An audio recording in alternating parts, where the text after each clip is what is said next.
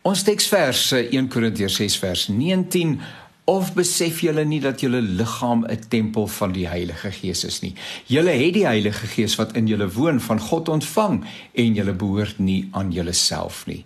Daai liedjie nê, my Jesus het my mooi gemaak, hy het my baie baie mooi gemaak. En dan sê die liedjie, dit is my koppie.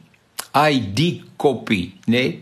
Die koppie kan soms raas, soos een van my vriende soms sê.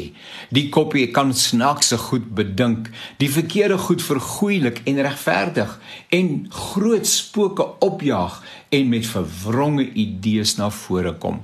Die koppie, dit moet in lyn kom met die woord van die Here. Die Here het ons verstand gegee en nie sonder rede nie.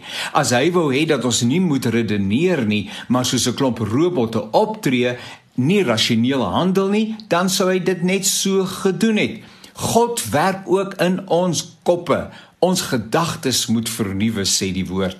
Wanneer 'n mens in verhouding met die Here leef, kan jy maar ontspan. Daar's geen rede om voortdurend te worstel met of 'n saak van die Here af is of nie. Jou gees sal getuig, die Heilige Gees sal getuig. Jy sal vrede hê. Jou kop hoef nie met jou te smokkel nie. Dit is my koppie.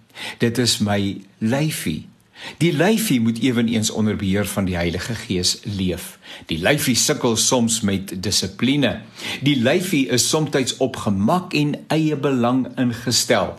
Die lyfie gebruik dikwels die woorde my en myne.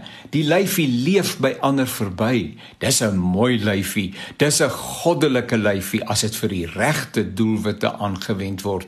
Die Bybel sê die lyfie is tempel van die Heilige Gees.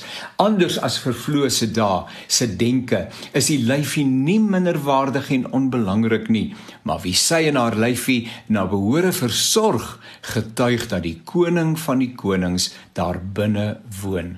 Die lyfie moet dus versorg word, opgepas word, liefgehê word. Die lyfie is net so deel van God se reddingsplan en gebeure as die res van my. Die lyfie gaan saam hemel toe, weliswaar in 'n verheerlikte staat, maar die lyfie bly nie agter nie, nie by die opstanding van die wat in Jesus Christus geglo het nie. Maar dit is ook my voete En die voete wil soos Jona in die teenoorgestelde rigting koers inslaan. Die voete maak 'n 180 grade draai en loop weg van die bron van die lewe af. Die voete hou van afdraai paaie en sukkel soms om weer op koers te kom, maar die voete is ewenigs belangrik en deel van God se plan vir hierdie wêreld. Die voete moet koers kies na hulle wat leiding, warmte, omgee en versorging, belangstelling nodig het.